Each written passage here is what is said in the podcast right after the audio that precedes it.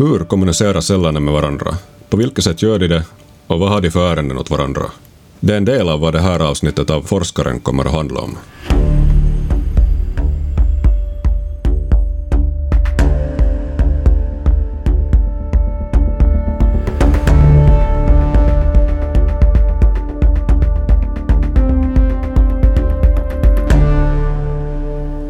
Hej och välkomna till Åbo Akademis podd Forskaren. I det här avsnittet ska vi prata med Cecilia Salgren som är professor i cellbiologi. Salgren och hennes forskningsteam håller på med något som heter Notch. Och Notch är namnet på ett av de sätt som cellerna kommunicerar med varandra. Notch är alltså ett signalsystem. Varför Salgrens team är intresserade av cellkommunikation hör ihop med att man är med i ett projekt där man försöker hjälpa människor med hjärt och blodkärlssjukdomar. Och där kan det ibland vara aktuellt med att till exempel ersätta en artär och det betyder att man opererar in en ny artär, det vill säga ett implantat. En av svårigheterna med att operera in implantat är att kroppen tenderar att stöta ifrån sig främmande material. Den känner, eller, känner inte igen materialet eller främmande vävnad och vill göra sig av med det främmande. Och därför finns det en poäng i att lära sig hur cellerna kommunicerar när de upptäcker något främmande och med vilka signaler de gör det. Och därigenom kan man möjligtvis också hitta sätt att få cellerna att assimilera det material man opererat in och samverka med implantatet på ett positivt sätt. Det här som en ingress. Nu följer intervjun med professor Cecilia Sagren. Här sitter jag alltså med Cecilia Salgren som är professor i cellbiologi vid Åbo Akademi. Och hon håller på med något som heter Notch som handlar om hur celler pratar med varandra, alltså en signalräcka som är en slags, en slags cellernas kommunikationssystem. Och nu får Cecilia Salgren direkt säga någonting mer om vad det här på riktigt handlar om.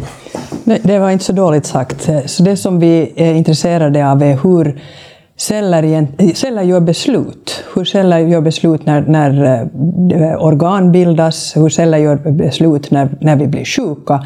Och celler gör beslut egentligen som människor gör beslut, det vill säga att genom att eh, kommunicera med varandra. Men den cellulära kommunikationen är inte ord, utan det är eh, kemi, så det är kemiska eh, ord som cellen använder. Och en av dessa kemiska ord som cellen använder är notch. Eh, och det, det, är ett, helt enkelt kemiska ord mellan celler.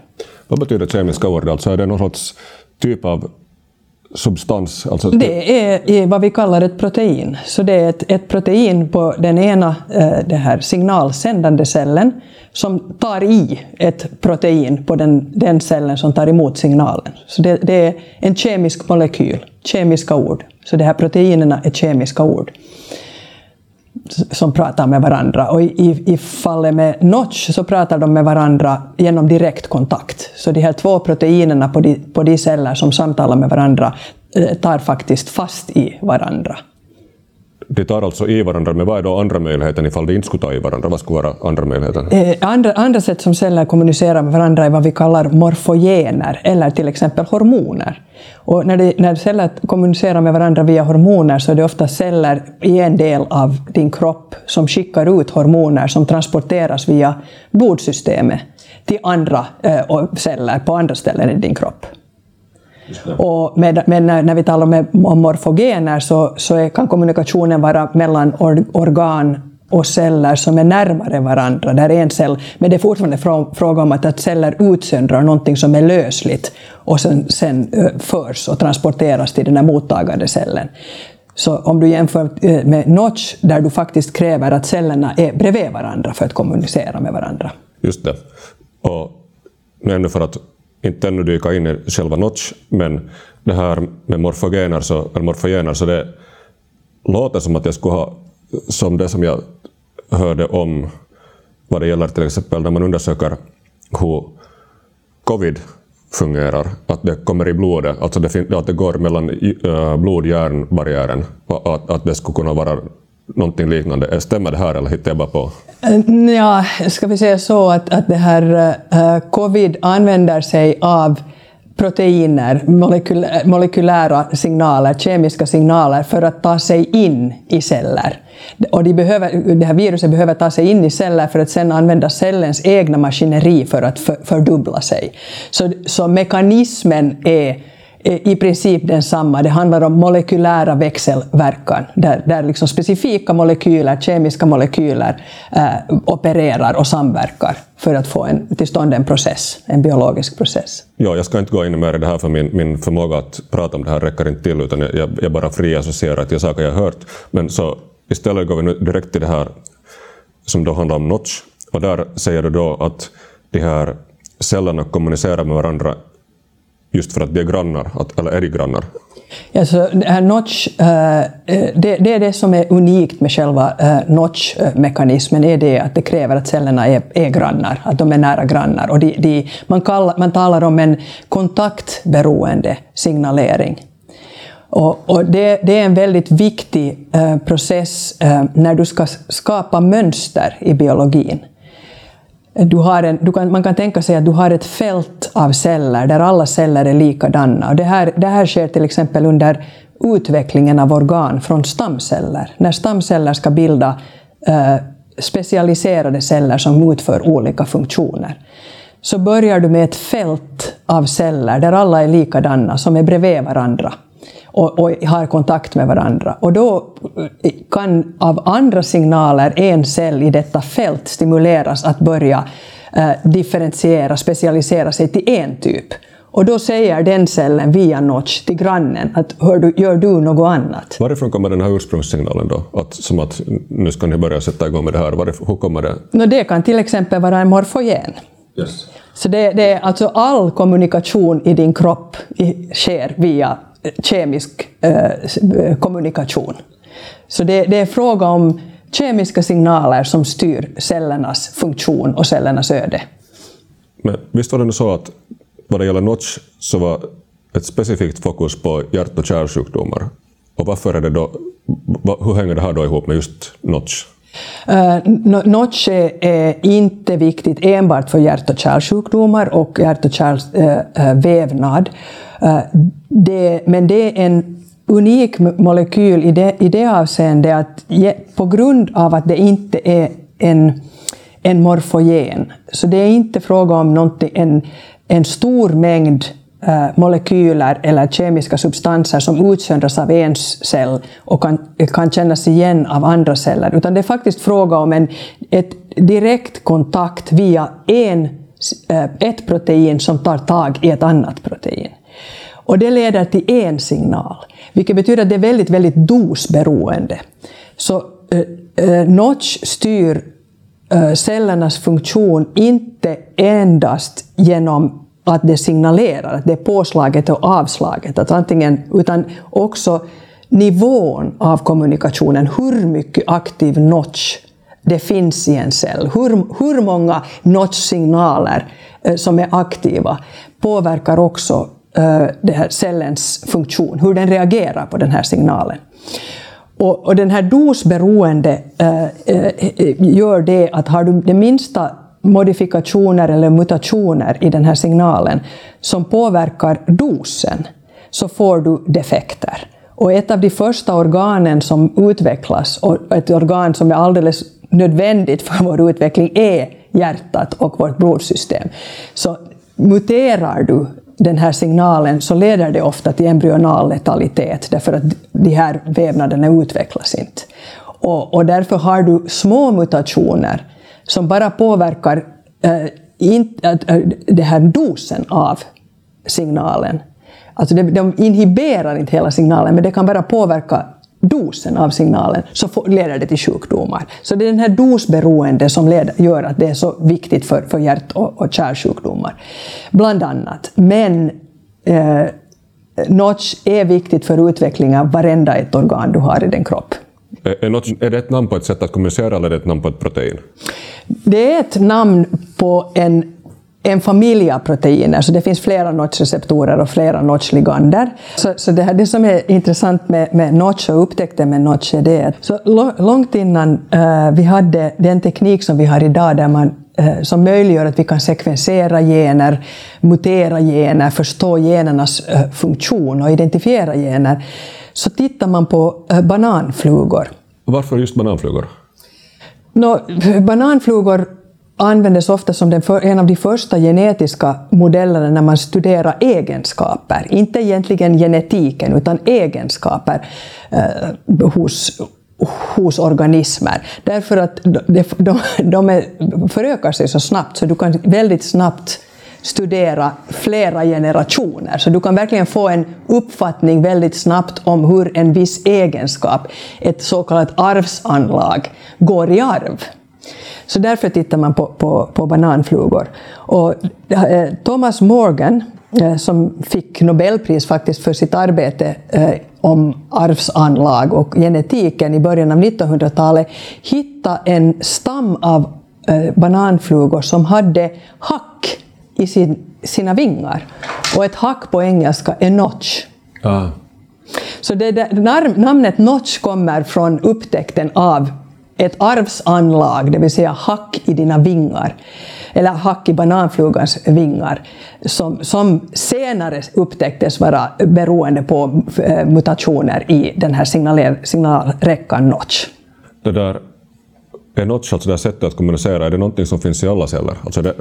Eh, notch finns i alla uh, multicellulära organismer. Det är en väldigt uh, evolutionellt bevarad signaleringsmekanism. Så du hittar det i alla organismer som består av flera celler. När du säger att den här dosen är avgörande, eller styrkan, vad betyder det? Alltså vad betyder dos? No, dos betyder egentligen signaleringsmängd, eller, eller kraft, ska vi säga så. Det som händer, Eh, det som händer när, när Notch aktiverar är det att den här ena proteinet på den ena cellen binder till motsvarande till receptorn, mottagaren på den andra cellen. Och det leder till en klyvning av den här receptorn, den här mottagaren. Och den, här, eh, den delen som finns på inre sidan av cellen förflyttar sig till kärnan, cellens kärna, där det aktiverar eh, gener. Så det, något kan egentligen ses som en transkriptionsfaktor, alltså en faktor i cellen som aktiverar gener, som är bunden till cellens membran. Och om man tittar på, på, på själva signalen, räckan, så är det en ligand, alltså en signal, signalsändare, som binder till en receptor, en mottagare, som klyvs, som, binder till, som leder till en transkriptionsfaktor som aktiverar en gen. Och Notch aktiverar väldigt många olika gener i cellen, så man kan ju tänka sig att hur mycket klyvd notch du har i en cell bestämmer vad som händer med cellen. Och, och, det är dosen. Det är dosen, yes. Och det andra som är, som, som är ganska intressant, att de flesta, när man studerar eh, en funktion av en gen, så gör man ofta så i biologi att du, du muterar bort, du avlägsnar den genen Eh, i en, i en modellorganism och så ser du att vad händer? Vad händer med utvecklingen av din lever? Vad händer med utvecklingen av ditt hjärta? Vad händer med utvecklingen av ditt blodsystem? Och då kan man säga att okay, den här genen är viktig för utvecklingen av ditt, ditt äh, blodsystem eller ditt hjärta. Oft all, de, eh, alltså alla gener förekommer i två kopior. En kopia som du har fått av din, din mamma och en kopia som du har fått av din pappa. Och ofta för att få en effekt måste du ta bort båda kopiorna. Annars ser du ingen effekt, för de, de kompenserar varandra. Men notch, i, i fallet med notch så räcker det ofta att du tar bort den ena. Och det här är också ett, ett, liksom ett tecken på, ett bevis på att den är väldigt känslig för dos. Kan vi på något sätt manövrera till hur det här då hänger ihop med just uh, forskningen kring äh, hjärt och kärlsjukdomar, att varför är det just här det är prioriterat? Alltså du sa det där om att när embryot utvecklas och allt det där, men, men, men jag har för mig att när vi pratar om hjärt och kärlsjukdomar så pratar vi om någonting som är ett betydligt senare skede än ett embryo, utan vi pratar om vuxna människor. Vi talar om vuxna människor och, och ett, av, ett av våra intre, eh, eh intresseområden och något som vi är väldigt intresserade av är hur påverkar miljön, den cellulära miljön, notchdosen. Och när vi talar om hjärt och kärlsjukdomar så det som vi vet är att en, en av de viktigaste Ehm, stimulansen för att få hjärt och kärlsjukdomar är egentligen förändringar i ditt blodtryck och förändringar i ditt blodflöde. Så ateroskleros till exempel, som är en sån här äh, plackbildning i ditt blodkärl, är ofta associerat med förändringar i blodflöde just i specifika regioner i, i dina blodkärl. Och, och högt blodtryck är ju en riskfaktor som alla känner till. Och vi, är väldigt, vi är intresserade av hur påverkar förändringar i blodflöde dosen, notchdosen. Så vad vi har hittat eh, och upptäckt hittills är att, att eh, det är en mekanosensitiv eh, signaleringsräcka, det vill säga mängden receptorer, mängden ligander i räckan regleras av förändringar i blodflödet. Och, då, och, och eh, i och med att dosen är så viktig för att upprätthålla vävnaden, så har du förändringar i blodflödet, patologiska, alltså sjukdomsförändringar i blodflödet och blodtrycket, så kan det, reglerar det do, notchdosen och kan därmed leda till, till sjukdom. Så det är inte bara mutationer i äh, själva, äh, i, i själva räckan. Som, som jag sa tidigare så leder ju mutationer ofta till att det inte blir ett, ett, ett foster för att det dör så tidigt. Utan det är också förändringar i miljön, i den, vad vi kallar den hemodynamiska miljön, alltså blodet, blodflödets krafter som kan stimulera att vi får en sjukdom genom att det påverkar dosen.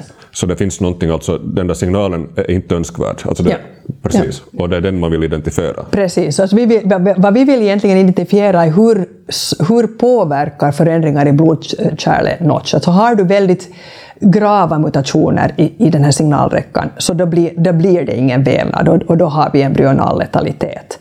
Uh, eh, har du en, väldigt, en mildare mutation så kan vi få en, en, en fosterutveckling, du kan leda till, leva till vuxen ålder, men sen sker det ytterligare eh, det här förändringar, åldrande, du får förändringar i ditt blodtryck. Och de, dessa förändringar kan sen förstärka den här defekten och leda till sjukdom. Tror man då att den här, just den här signalen som då går via den här signalräckan Alltså vad, vad, exakt är det den gör? Vad är det den åstadkommer? Alltså? Ska vi, ska vi, ta, vi kan ta ett konkret exempel, för det, det, vi har rört oss på ganska abstrakt nivå. Och, ja, och, och vi pratar väl om, och pratar och vi, om håller, vi håller om vuxna människor och vi, ja, ja. vi talar om artärer. Ja. Eh, så artärer är ett blodkärl som har en ganska tjock cellvägg. Och, och, cell, och orsaken till att jag har en ganska tjock cellvägg är därför att trycket i en artär är ganska högt. Och, och det finns alltså någonting som vi kallar mekanisk äh, vävnadshomeostas. Och, äh, det vill säga att att ähm, vävnadsarkitekturen, blodkärlets vägg och tjockleken på blodkärlets vägg är anpassad till den, det trycket som, som finns i det, i det kärlet. Alltså det, är som, det är som vilken trädgårdsslang som helst. Att har du ett högt tryck i din vattenslang så behöver du en, en starkare trädgårdsslang med tjockare väggar. Och så fungerar också våra blodkärl. Och de blir till på det sättet att man vet när blodkärlen bildas och också när de anpassar sig till förändringar så justerar de den här blodkärlsväggen. Och den här justeringen sker genom att celler i väggen, så det finns flera lager av celler och desto tjockare vägg, desto flera, desto flera lager av celler. De talar med varandra via notch. Och det är notch som bestämmer den här väggens arkitektur. Och har du en förändring i blodflödet så måste här, den här väggens arkitektur anpassas för att vi ska upp, upprätthålla eh, eh, homeostasen, så att den här blodkärlet som hela tiden är utsatt för mekanisk påfrestning är hållbart. Så det, det här är liksom ett, ett väldigt konkret exempel där, där Notch opererar. Så Notch opererar, den pratar med cellerna i den här väggen och säger att är vi, nu är vi tillräckligt många, nu ska vi hållas så här många nej, nu måste vi det här öka mängden eh, det här cellager för vi måste få en tjockare vägg. Så nu, nu måste vi ändra, ändra, vi måste dela på oss och bilda flera lager. Och det här, den här liksom cellfunktionen äh, regleras av Notch. Och, och eftersom inte jag kan hjärt och kärlsjukdomar heller, så vad betyder det då att Alltså är det ett problem att det till exempel blir för många lager? Eller vad, vad är problemet? Så en, en, en, av de stora orsakerna är det att du får liksom helt enkelt uh, du, får en, uh, du kan få en defekt i själva arkitekturen och som kan ju täppa till själva kärlet. Ofta är, det, är, det, är de här sjukdomarna multifaktorella, så det, det, är också fråga om inflammation. När du sen har en, en, en allvarlig effekt på vävnadsstrukturen eller arkitekturen så kan det, leder det också till, till inflammation. Så du får dessutom eh, ett inflöde av inflammationsceller och, och sen får du en, det här, en, en allvarlig förändring i, i själva vävnaden och dess funktion och, som kan täppa till blodflödet. Och det är, det, det är den frågan av, av tilltäppning som till exempel leder till hjärtinfarkt eller hjärninfarkt, därför att infarkter är fråga om vävnader som inte får, har tillgång till syre på grund av att, att blodkärlen inte längre kan transportera blodet. Så den här vävnadsarkitekturen är, är absolut väsentlig för, för funktionen för eh, blod, blodkärlen. Men eh, nu, okay, den här forskningen, så, den vill leda till att man utvecklar medicin, läkemedel, e- eller? Ja, no, no, min, vi jobbar väldigt mycket med, med vävnadsteknik, så, så vårt, vårt stora, uh, vårt stora uh, mål är egentligen att, att bygga nya uh, blodkärl. Och, och, speciellt kunna bygga nya blodkärl inne i kroppen. Eh, och, och, eh, det kan man göra på flera sätt. Eh, du, måste, du kan antingen sätta in någon form av, av struktur som, som mimikerar blodkärlet och som har liksom biologisk information som stimulerar nybildning av blodkärl. Ofta när du gör så, så ett, ett problem är att återskapa den här arkitekturen. Så den här typen av, av av eh, eh, teknologi finns redan tillgänglig. Att man kan skapa blodkärl, du kan sätta in en, en, en struktur eh, som, som ska mimikera, en, mimikera blodkärlet. Ofta eh, det kan vara en, en struktur som, som för evigt blir som en, en eh, en, en, struktur och aldrig blir en levande vävnad. Men då har du ofta problem med avstötningsreaktioner och, och, eh, och eh, kloggningar och, och, och, eh, inflammation. Det finns också redan teknologier där du bara gör en, en, en form av materialstruktur som du kan sätta in som lockar till sig cellen, kroppens egna celler och så småningom bildas det en ny vävnad. Problemet med de här, med de här teknologierna har varit det att få den här arkitekturen. Så du får en ny vävnad, den fungerar en stund, därför att den, den kan fungera som ett rör, det är ju egentligen vad ett blodkärl gör.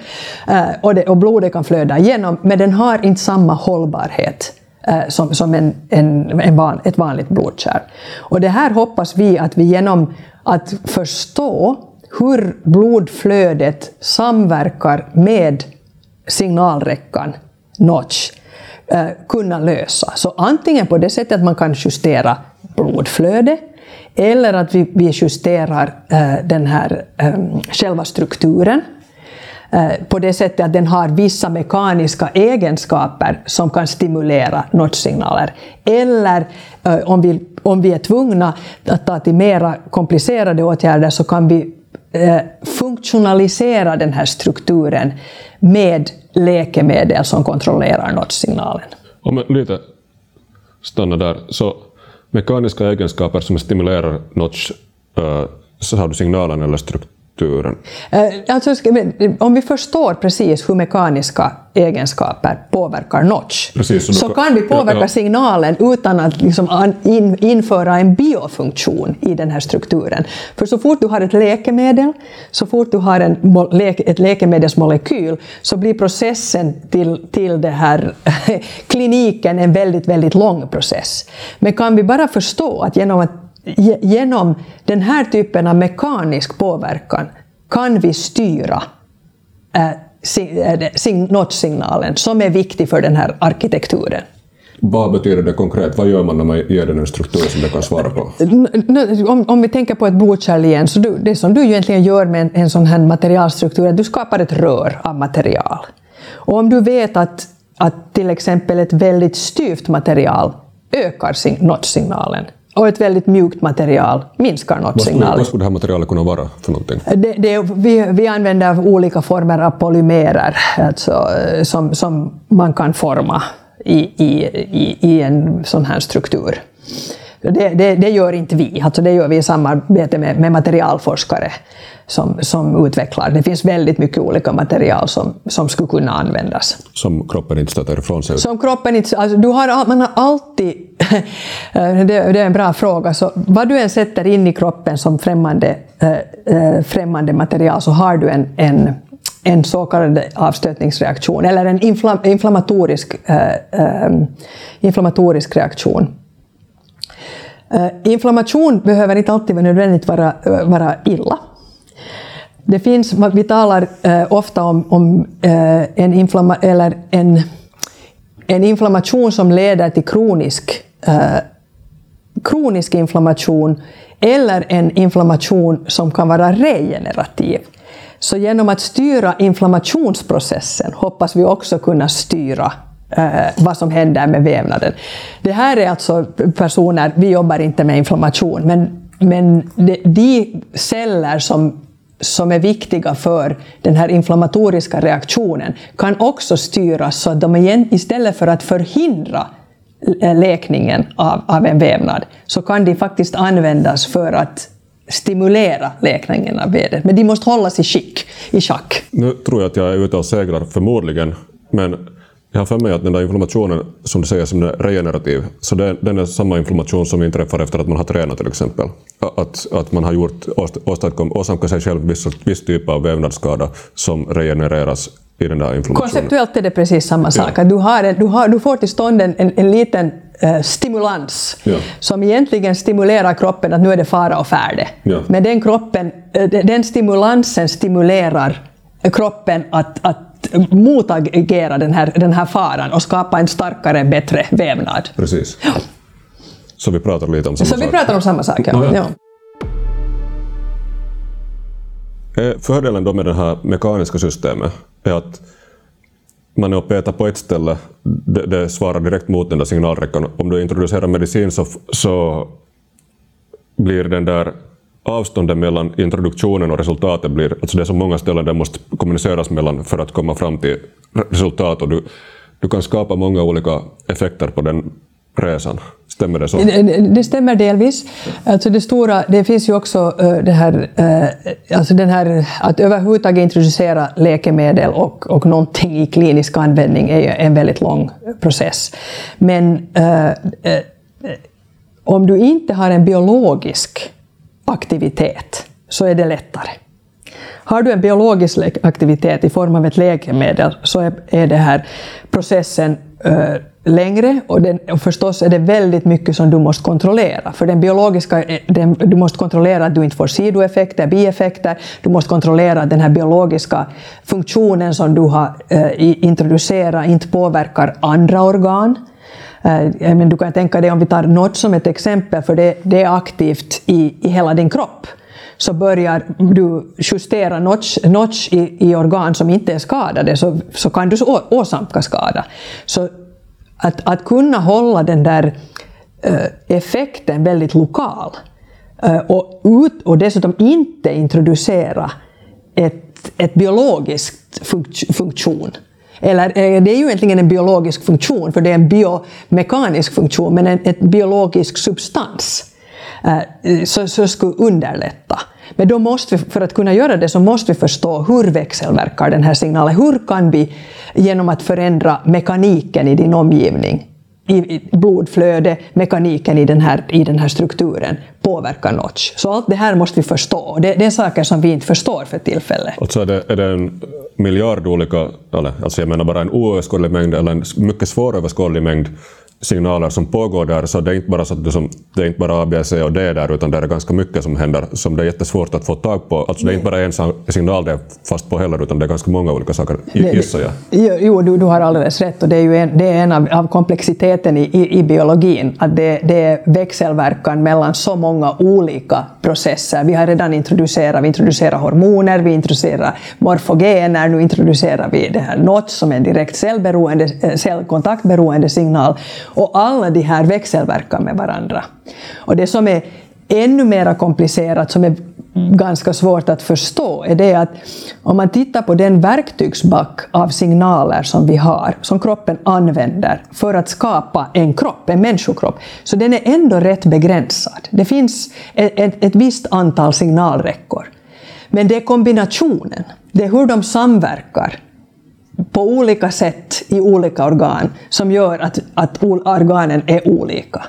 Så det, det, är inte bara fråga om... Det skulle vara lättare om det skulle vara så att vi har en hjärtsignal och en muskelsignal och en leversignal. Men det är samma signaler i, i, men som opererar i samverkan med varandra på olika sätt. Så det är väldigt komplext, så det är, det är väldigt, väldigt svårt.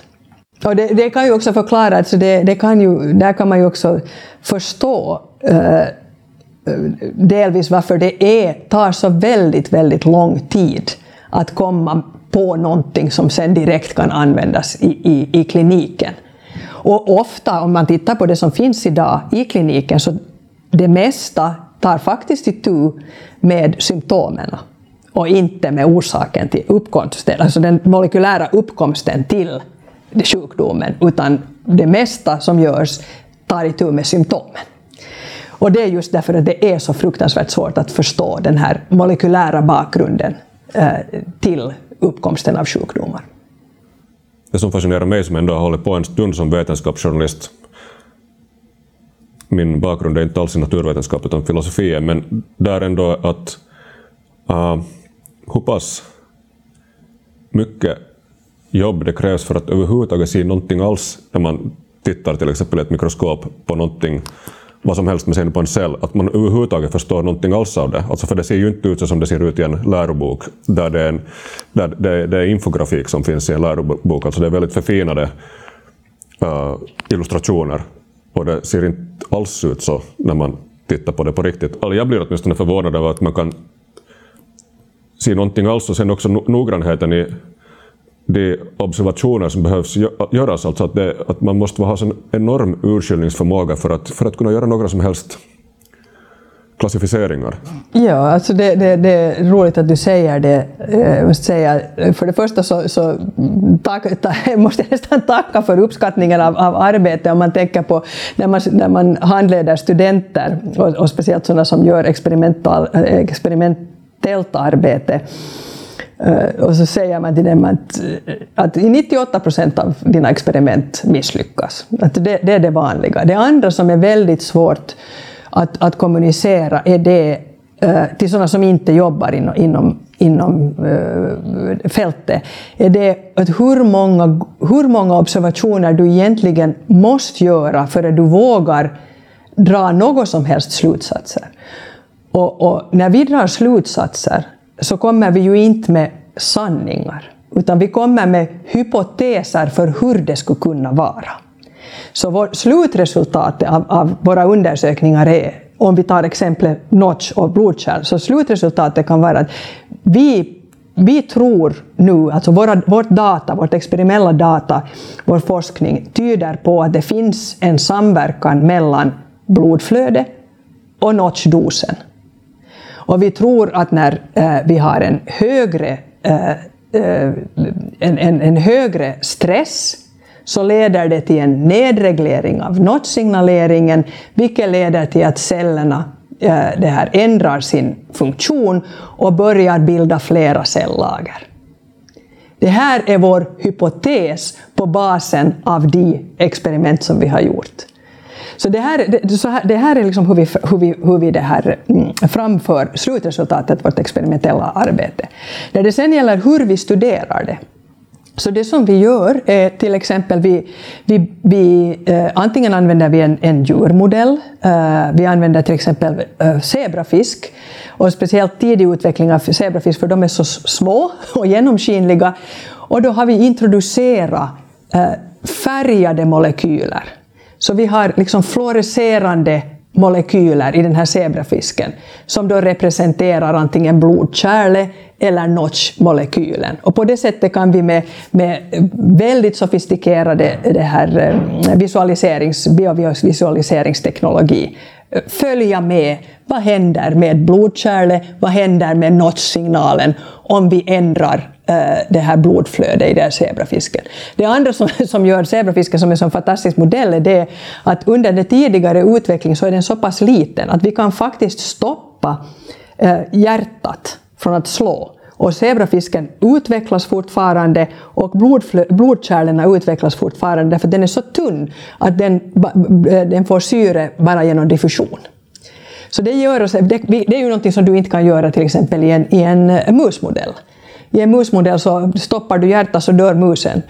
Så du har inte liksom samma möjlighet att påverka blodflödet eh, som du har i en musmodell som du har i en, i en, i en eh, zebrafisk. Sen gör vi ju också eh, sådana humaniserade modeller. Så vi, vi bygger alltså blodkärl i, uh, i laboratoriet där vi har då, uh, celler från människan och gör liksom av mänskliga celler så gör vi blodkärl. Och då gör vi dem på sådana här chip som vi sen kan faktiskt, eh, mikrofluidic chip, vad ska man kunna, mikro, mikroflödes, mikroflödeschip. Så vi kan sen då styra, liksom, kontrollera det här flödet genom de här, de här um, blodkärlen som vi har skapat i, i, det här, uh, i laboratoriet. Hur, hur, hittar man den där själva notch-signalen? Alltså var, var, var, hur, helt konkret, hur gör man för att se den? Äh, på flera olika sätt. Äh, du kan till exempel använda dig av antikroppar, precis som vi nu har gjort äh, antikroppsvaccin mot covid. Så det finns specifika kemiska strukturer på, på det här viruset mot vilka man, man skapar antikroppar. Och de här antikropparna binder specifikt till den här kemiska strukturen. Så man har gjort antikroppar mot notch. Och de, de antikropparna binder specifikt till notch och de kan vara eh, det här märkta med någon fluorescerande reagens. Och då tittar vi i ett fluorescent mikroskop och så ser vi att okej, okay, det här är notch. Det, det, är ett sätt. Ett annat sätt är att vi genetiskt eh, modifierar eh, notch. Så i den genetiska koden för notch så sätter vi in en kod för ett fluorescerande protein. Och då, då, får vi ett fluorescerande notch när det sen blir ett, ett, ett, protein i den cellen. Så antingen genom genetisk manipulering, och där man sätter till då olika former av flaggor som man kan, kan följa med eh, eh, notch, eller genom att använda sig av antikroppar. Var finns det nu i den här forskningen? Alltså att hur långt, alltså, om du skulle säga, alltså jag vet inte, den här frågan är också vag på något sätt, men, men hur, var finns ni? Alltså, va, va, hur långt är ni från någonting som är, börjar likna någonting som någon fungerande prototyp? Eller no, vi, vi, är för tillfället, du kan fråga på nytt om ett, om ett år, men för tillfället är vi ganska det här, eh, uppjagade och, och intresserade, för vi har, vi har märkt att äh, när vi har defekter på blodkärlsväggen äh, och så att den här arkitekturen inte så att blodkärlet inte längre känner igen den här mekaniska stressen och inte anpassar sig och vi får en arkitektur som, som är felaktig och inte hållbar. Så har vi visat att eh, om man återstimulerar notch i den situationen så kan vi det här återskapa den här arkitekturen. Så vi har tagit, vi har tagit blodkärl från olika eh, modeller eh, där det har funnits en så kallad defekt i hur blodkärlet eh, reagerar på förändringar i blodflödet. Och sen har vi stimulerat med eh, notch-ligand. Så vi har återstimulerat notch-aktiviteten i blodet och visat att vi faktiskt kan, kan det här, eh, återskapa den här arkitekturen. Så, eh, och, det här, eh, så vi håller nu på och sammanställer en, en en, eh, eh, försöker få eh, finansiering och sammanställer en rapport och söker om, om rättigheter att göra djurförsök där vi skulle nu funktionalisera de här äh, strukturerna som jag talade om med en notch-aktiverande molekyl. För att se att, att det här kan vi återskapa, den här vävnadsarkitekturen, genom att stimulera äh, notch i, i de här situationerna. Eh, då, då, sa jag ju redan att det skulle vara trevligare förstås att, att kunna bara genom att eh, förändra den här mekaniken i den här strukturen, för då skulle vi slippa den här bio, biofunktionella eh, eh, molekylen. Men där förstår vi inte riktigt ännu, för det är inte bara blodflöde som påverkar, utan den här, den här själva strukturen har också sin egen mekanik. Så vi måste, vi måste förstå mera hur Eh, den här, inte bara blodflödet, men också den här strukturens mekaniska egenskaper påverkar notch-signalen. Så nu gör vi ett sånt här första preliminärt experiment som testar att är notch en sån här, uh, vad ska man säga, uh, mästermolekyl i att reglera, uh, reglera den här arkitekturen genom att då aktivera notch-signalering i de här strukturerna om man talar om något sånt där senare skede där man skulle försöka då hjälpa människor med hjärt och blodkärlssjukdomar, så betyder det där att ändra på den här, eller göra en sån här, ändra den mekaniska miljön, så betyder det kirurgiska ingrepp där man, introducerar, där man helt enkelt opererar in det där nya blodkärl som har den här egenskapen som stimulerar notch. Ja, man är antingen nya blodkärl, så då, då gör man ju liksom vävnaden utanför människan. Så vad vi är faktiskt intresserade av, att min, min dröm är ju om den, den självläkande kroppen, att sätta in den här strukturen. Och den här strukturen stimulerar kroppens egna celler. För då har du ju inte ett, ett, ett, organ som du har skapat i en miljö som alltid leder till någon form av, av det här avstötningsreaktioner. Utan du faktiskt sätter in den här strukturen, du hoppas att du får en kontrollerad inflammation och sen har du en process där kroppen kroppens egna celler används för att skapa ny vävnad. Och struktur skulle betyda att ändå någon sorts form av, alltså det är någon sorts form av implant, implantat? Det, det, är, det är fråga om ett implantat. Det är fråga, när jag talar om struktur så talar jag egentligen om en implantat. Men struktur, jag talar om struktur därför att den initiellt när du sätter in det, du kan ju inte ha ett läckande blodkärl. Så du måste ha en struktur som faktiskt fungerar, som ja. ser ut som, en, som ett blodkärl. Precis. Och sen på det så bygger kroppen själv ja. den där vävnaden. Ja, och den smälter bort. Tanken är att den här liksom strukturen sen, den ersätts av levande vävnad. Precis, så det är som en byggnadsställning? Som det är som en, exakt, ja. exakt. En mycket bra analogi. Kan man göra några tidsuppskattningar på hur långt ifrån någon fungerande resultat är man? Går det ens att göra sådana saker? Alltså, för att det kan ta stoppa var som helst? Eller, eller, men... Det kan stoppa var som helst. Alltså det, det, uh, det görs ju redan idag. Görs det, uh, imp, uh, sätter man in implantat och, och testar på olika, både strukturer i hjärta och strukturer i blodkärl. Men som jag redan sa, så problemet är att få den här den här rätta... Vävnaden får du till stånd, du, du skapar en ny vävnad, men den har inte rätt arkitektur och det, svår, och det kräver ju väldigt mycket uppföljning. Du måste ju uppfölja upp en vävnad, hur ska jag säga, det kräver uppföljning för att, för att veta hur stabil och hur stark är den nya vävnaden. Eh, och hur farligt och allvarligt är det att den inte har rätt eh, arkitektur.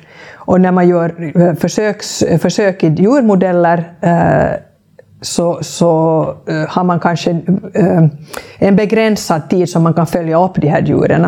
Och för människan så måste man ju följa en människa under flera år. Och speciellt om du tänker att du skapar en ny miljö i en yngre individ. Och så sker det väldigt mycket förändringar när den personen blir äldre, som sen å sin sida kan leda till skador. Så det kräver liksom väldigt mycket uppfattning att bara förstå hur, hur fungerar en sån här vävnad som inte är korrekt. Ähm, så det är ju en, en, en, en sak som måste förstås.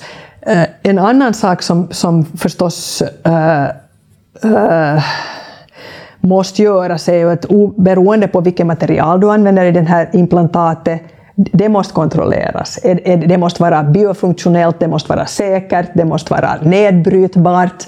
Så det är ju också en, det är också en forskning och en, en utredning för, för sig.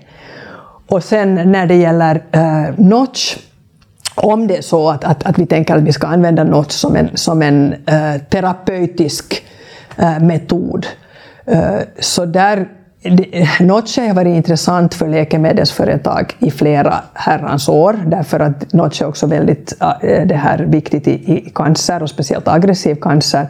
Så väldigt stora företag som Merck och Genentech har utvecklat eh, droger och, och, eh, olika former av läkemedel som antingen aktiverar eller inhiberar eh, Notch. Det finns idag ingenting i klinisk användning.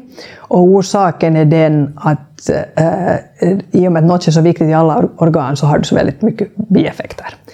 Men det här är ju förstås nu en möjlighet om man binder den här läkemedlet till den här strukturen så har du möjlighet att få en väldigt lokal effekt. Men nu består ju den här vävnaden av flera olika celler. Du har också förstås immunceller som finns där och vi måste förstå hur sku, hur skulle den här aktiveringen påverka hela det komplexa systemet. Så tids, tidsmässigt äh, det, det, är svårt. Jag kan, jag kan nämna som ett exempel äh, Uh, när de har gjort uh, materialstrukturer för hjärtklaffar och blodkärl från en polymer Eh, det samarbete som vi har med Holland, eh, där har de, de utvecklat polymeren för 25 år sedan. Den har fortfarande ingen biofunktion, men, och de har ju nu, just nu gjort sina första kliniska försök i att om man gör en struktur av den polymeren, vad händer? Kan man använda den polymeren i ett så kallat struktur, i ett implantat? Och då talar vi om kemi de har inte ännu börjat fundera på hur påverkas, påverkar den här biologin i sammanhanget. Så det är liksom tidsaspekten. Just det. Att det, är, det är komplext och det tar länge. Går det snabbare om man kastar mer resurser på det eller, eller är, det, är det ändå så få som förstår vad man håller på med här så att, så att det inte hjälper? Att, eller? Det är ju klart att desto flera människor som jobbar på det, desto, desto snabbare når man förståelse. Och för att få flera människor att jobba så behövs det mer resurser, så nu finns det ju alltid en ökade resurser, skulle jag säga, ökade resurser ger en större möjlighet till ökad kunskap och ökad kunskap ger en större möjlighet till att kunna använda den, här, eh, den kunskapen. Så på det sättet är det, är det, eh, är det ju alltid förstås relaterat till, till ökade, ökade resurser. Men det är ju ingen garanti det är ju inte så att det här eh, eh, ökade resurser automatiskt leder till en produkt. Men det, ökade resurser det leder ju förstås till en ökad kunskap. Eftersom vi talar om det här perspektiv på decennier, mm. så om jag nu skulle vara en människa som just nu håller på kanske söka till gymnasiet, håller på att gå gymnasiet, håller på att gå ut gymnasiet och kanske är på väg att söka in till universitet, vad är det jag borde läsa och vad, vad, är det för, vad är det för kunskaper jag borde ha eller skaffa mig för att kunna vara med i ett sånt här projekt? Alltså du tänker på specifikt eh, att eh, återskapa vävnad? Eh, Nå, eller, eller ett läkemedel. Ja, ja, ja. ja, men nu måste du ha kunskap i... i om, du, om du tänker på, på bioteknik så måste du ha kunskap i kemi, du måste ha kunskap i, i matematik, därför att du måste ha kunskap i flödesmekanik och, och det här flödesteknik. Du måste ha kunskap i bioteknik, du måste ha kunskap i molekylärbiologi, du måste ha kunskap i cellbiologi, fysiologi, för det är ju fysiologi det handlar om. Så det är en ganska bred kunskapsbas som, som behövs. Nu ska man ju inte förstås underskatta eh, behovet av att ha kunskap, andra, an, annan form av kunskap också i, de här, i, de, i den här typen av, av aktiviteter. För nu talar vi om att, att uh, operera på människor. Vi talar om att använda kroppens egna celler. Vi talar om att eh, använda molekyler i, i, i, en, i en patient. Så det finns ju liksom den etiska aspekten, det finns kommunikationsaspekter. Så Eh, om jag ska ge någon, någon råd åt, åt, åt någon så skulle jag säga att man ska för det första måste man ju fundera att vad vill du göra? Eh, vad är du intresserad av? Sen måste man ju också komma ihåg att det är väldigt få upptäckter eh, som har kommit väldigt snabbt. Att om man också tittar på, på Nobelpris som delas ut så ofta så det här Nobelpriset ges väldigt, när, när den som har gjort upptäckten är ganska gammal. Det finns undantag, det finns förstås undantag, men de är ofta relaterade till, till teknologiutveckling och inte biologiska, fundamentala biologiska upptäckter. När det är fråga om, om liksom, äh, verkligen fundamentala biologiska, fysiologiska upptäckter så är nog tidsspannen ganska lång att, att det där att man vaknar upp är tio år efter att man har gått ut gymnasiet och, och, och ha löst människans hälsoproblem. Så det, det är nog ganska utop, utopistiskt. Att, att har, man, har man den tidsperspektivet så borde man kanske göra dataspel. men, men om man, som, vad skulle vara en ingång? Vad, vad, till exempel om jag är nu 16-17 år, vad är det, skulle du ha någon sån här idé om vad det jag borde läsa? Vad alla, finns det någonting som där ingång till att jag skulle bli intresserad av just det här? Jag menar, jag tippar att det här är ändå ett, ett jobb som ändå ger någonting, för man håller på med någonting som på riktigt är någonting som, som hjälper folk och som, som är intressant och som är faktiskt för vetenskapen framåt. Att, vad, vad, är det, vad, vad, skulle du, vad skulle du säga åt en 16-17-åring? No, jag, skulle, jag, skulle säga, jag skulle säga att, att det här, jag skulle säga att flera personer, jag skulle inte bara säga att 16-17-åringen, eh, jag skulle säga att det, från, från, eh, det skulle vara viktigt att kommunicera vilken typ av forskning, både på, inom universiteten men också inom läkemedelsindustrin och annan industri som pågår. Eh, så att, att, att studenterna och de som går i gymnasiet skulle få aktuell information. Så det som, eh, det som vi gör är ju inte någonting som du ser i en, i en eh, skolbok. Och det är inte någonting som du ens ser i en, i en bok som används i, i, i universitetet. Utan vi, när vi lär ut så använder vi eh, publikationer, vetenskapliga publikationer, där, där kunskapen inte ännu har nått en, en, en bok, utan det är faktiskt fråga om väldigt aktuell kunskap. Så jag, jag tror att man, man, som, som en inspirerad, inspirerad 17-åring så tror jag att man borde få ta det här, kontakt med de personer som jobbar inom någonting sånt här och komma in i, det, i, liksom i ett team. Och, och, om du tänker på, på, på den forskning som jag gör, så där finns, eh, eller min grupp görs, för vi är ju flera förstås, eh, så vi har eh, bioingenjörer, vi har matematiker, vi har biologer, vi har biotekniker. Så det är en väldigt, liksom människor med väldigt olika bakgrund, men de jobbar inom det här området. För all, allas kunskap behövs. Men man kanske inte ens ser det som, en, som 17-åring, utan då borde man få kontakt med, med personer som, som jobbar uh, med, med sådana här frågeställningar och se att hur ser det där teamet ut? Hur får man kontakt med dem då? No, men jag menar, det är på akademins kommunikationsenhets ansvar. Det är, det är den ni sitter och lyssnar på just precis här nu. Men... ja. Nej, nu kan man ju alltid skolbesök förstås och, och eh, media.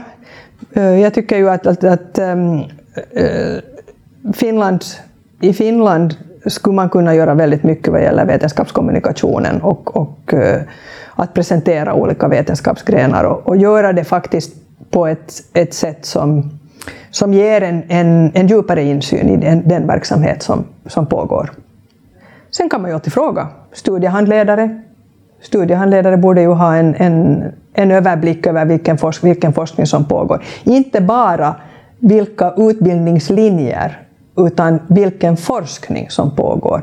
För, för jag tror, det här är ju nu min personliga åsikt, men jag tror att vi kommer att se en förändring i, eh, i utbildningsstrukturer i framöver. Därför att vi börjar ta itu med allt mera komplexa problem vilket betyder att det behövs väldigt mycket olika kunskap för att, för att lösa de här komplexa problemen. Och, och, och den här traditionella uppdelningen som vi har idag, där man egentligen man går in i ett rör och man ser inte... Det är svårt att se möjligheterna med den kunskap. Jag menar själv har jag, varit, eh, eh, har jag varit professor i, i bioteknik, eh, men jag har cellbiologisk bakgrund. Och, och det var väldigt nyttigt.